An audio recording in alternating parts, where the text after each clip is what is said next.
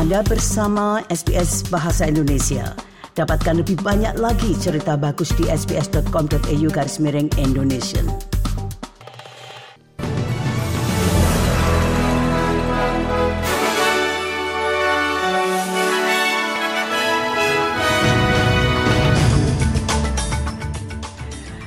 Warta berita SBS Audio untuk hari Rabu tanggal 21 Juni. Sari berita penting hari ini, polisi New South Wales dituduh menutup-nutupi kasus tasering Claire Nolan. Setidaknya 41 tewas dalam kerusuhan penjara di Honduras dan dalam bidang olahraga, Komite Penyelenggara Olimpiade Internasional mengatakan sepenuhnya akan bekerja sama dengan penyelidikan penipuan di kantornya di Paris. Berita selengkapnya. Polisi New South Wales dituduh menutup-nutupi setelah dokumen dilaporkan mengungkapkan pernyataan pertama mereka tentang penyetruman seorang nenek buyut berusia 95 tahun yang menghilangkan fakta-fakta penting. Claire Nolan disetrum selama konfrontasi dengan polisi saat berjalan dengan tongkat dan memegang pisau steak di Yalambi Lodge di Kuma pada tanggal 17 Mei. Pada waktu siaran pers, itu disetujui oleh komisaris polisi Karen web dikeluarkan 12 jam setelah Nyonya Nolan terluka, tetapi memberikan sedikit detail tentang interaksinya dengan polisi. Dokumen yang diperoleh AAP menunjukkan bahwa siaran pers pertama yang disusun oleh kepolisian New South Wales telah diedit untuk menghilangkan penyebutan detail penting termasuk penggunaan taser. Nah, pihak oposisi federal mengatakan tidak mendukung rujukan pejabat senior Angkatan Pertahanan ke Pengadilan Kriminal Internasional atas tuduhan kejahatan perang di Afghanistan. Wakil pemimpin pihak oposisi Susan Lee mengatakan partainya menghormati posisi Senator Jackie Lambie yang membuat rujukan. Namun mereka tidak percaya rujukan ke ICC adalah tindakan yang tepat. I understand Jackie's depth of knowledge and experience about defence matters. And in particular, I want to recognise her hard work with veterans over many years. I've seen this myself. We believe that the processes we have in place, which include the Brereton inquiry and other matters that are ongoing, Polisi telah menangkap dua aktivis di Melbourne dan Newcastle pagi ini, Rabu 21 Juni, yang telah mengambil bagian dalam aksi protes hari ketiga terhadap pelabuhan batubara pantai timur utama. Di Melbourne, seorang perempuan berusia 20 tahun memblokir enam jalur lalu lintas dengan turun ke jalan dari Shepherd Bridge di Footscray Road, sementara di Hunter Valley, New South Wales, seorang pria berusia 22 tahun memaksa penutupan kereta api antara Scone dan Maitland saat dia bertengger pada tiang 9 meter di jembatan rail di Braxton.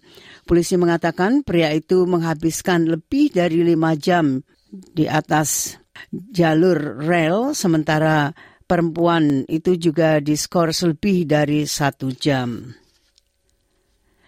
Sedikitnya 41 orang tewas dalam kerusuhan di sebuah penjara perempuan di Honduras.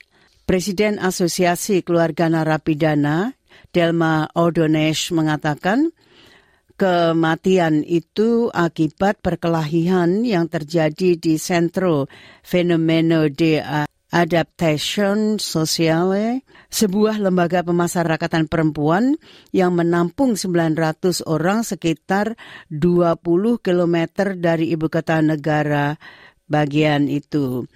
Dikatakannya perkelahian itu terjadi antara anggota geng saingan Barrio 18 dan Mara Selva Tuka atau MS 13. Wakil Menteri Keamanan Julissa Villanueva mengatakan pemerintah juga menyalahkan geng kejahatan terorganisir atas kematian tersebut. El pueblo hondureño debe saber con contundencia. The Honduran people must know that we will not allow, under any circumstances, the attack or sabotage against the actions towards and directed against organized crime. The organized criminality. Menteri Transportasi Selandia Baru Michael Wood telah mengundurkan diri dari kabinet di tengah tuduhan dia gagal mengelola konflik kepentingan. Michael Wood tersingkirkan setelah penyelidikan atas kepentingan keuangannya mengungkapkan kepemilikan yang sebelumnya dirahasiakan dalam perwalian keluarga. Dia telah mundurkan diri sebagai Menteri Transportasi awal bulan ini dan diselidiki oleh penyelidikan parlemen karena gagal menjual saham di Bandara Auckland meskipun ada 12 peringatan dari kantor kabinet. Perdana Menteri Chris Hipkins mengatakan dia telah menerima pengunduran diri itu. New Zealanders ex expect and deserve very high standards from their ministers. While I do not believe that Michael Wood has acted with any intent of personal gain, his actions have let himself and the government down.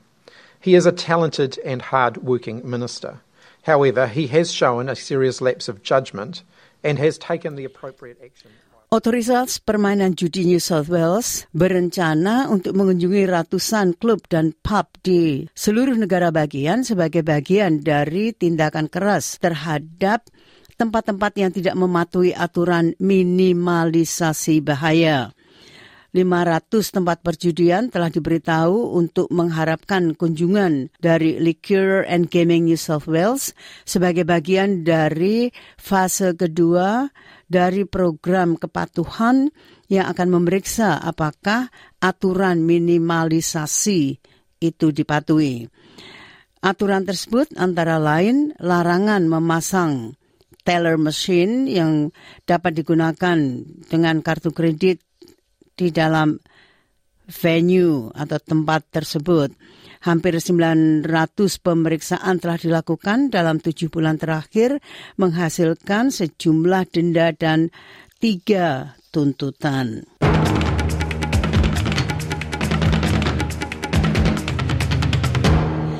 Nah, berita olahraga, Komite Penyelenggara Olimpiade Internasional mengatakan pihaknya bekerja sama sepenuhnya dalam penyelidikan atas tuduhan penipuan terkait dengan pemberian kontrak untuk Olimpiade musim panas di Paris. Markas Besar Panitia Penyelenggara Olimpiade Paris 2024 dan mitra infrastrukturnya Solideo telah digerebek oleh polisi sebagai bagian dari penyelidikan dugaan penggelapan dana publik dan favoritisme. Penyelidikan itu diluncurkan pada tahun 2017. Juru bicara IOC Mark Adams mengatakan mereka menginginkan jawaban sesegera mungkin. This is ongoing, no comments to be made at this stage, but again, reassurance provided uh, by Paris that the only attitude that, that uh, one has to have in such circumstances, which is uh, full collaboration. And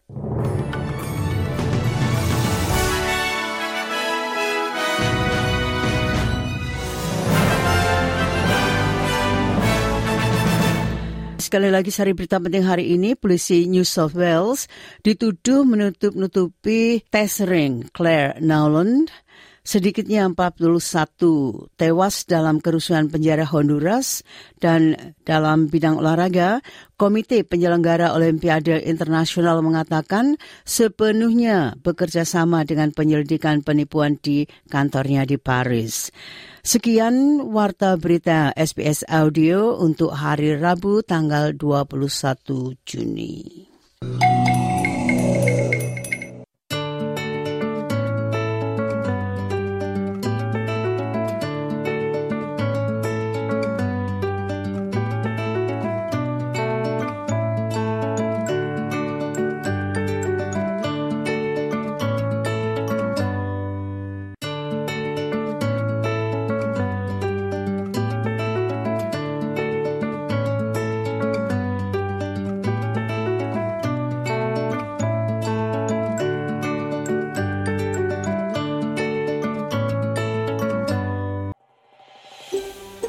Anda ingin mendengar cerita-cerita seperti ini, dengarkan di Apple Podcast, Google Podcast, Spotify, atau di mana pun Anda mendapatkan podcast Anda.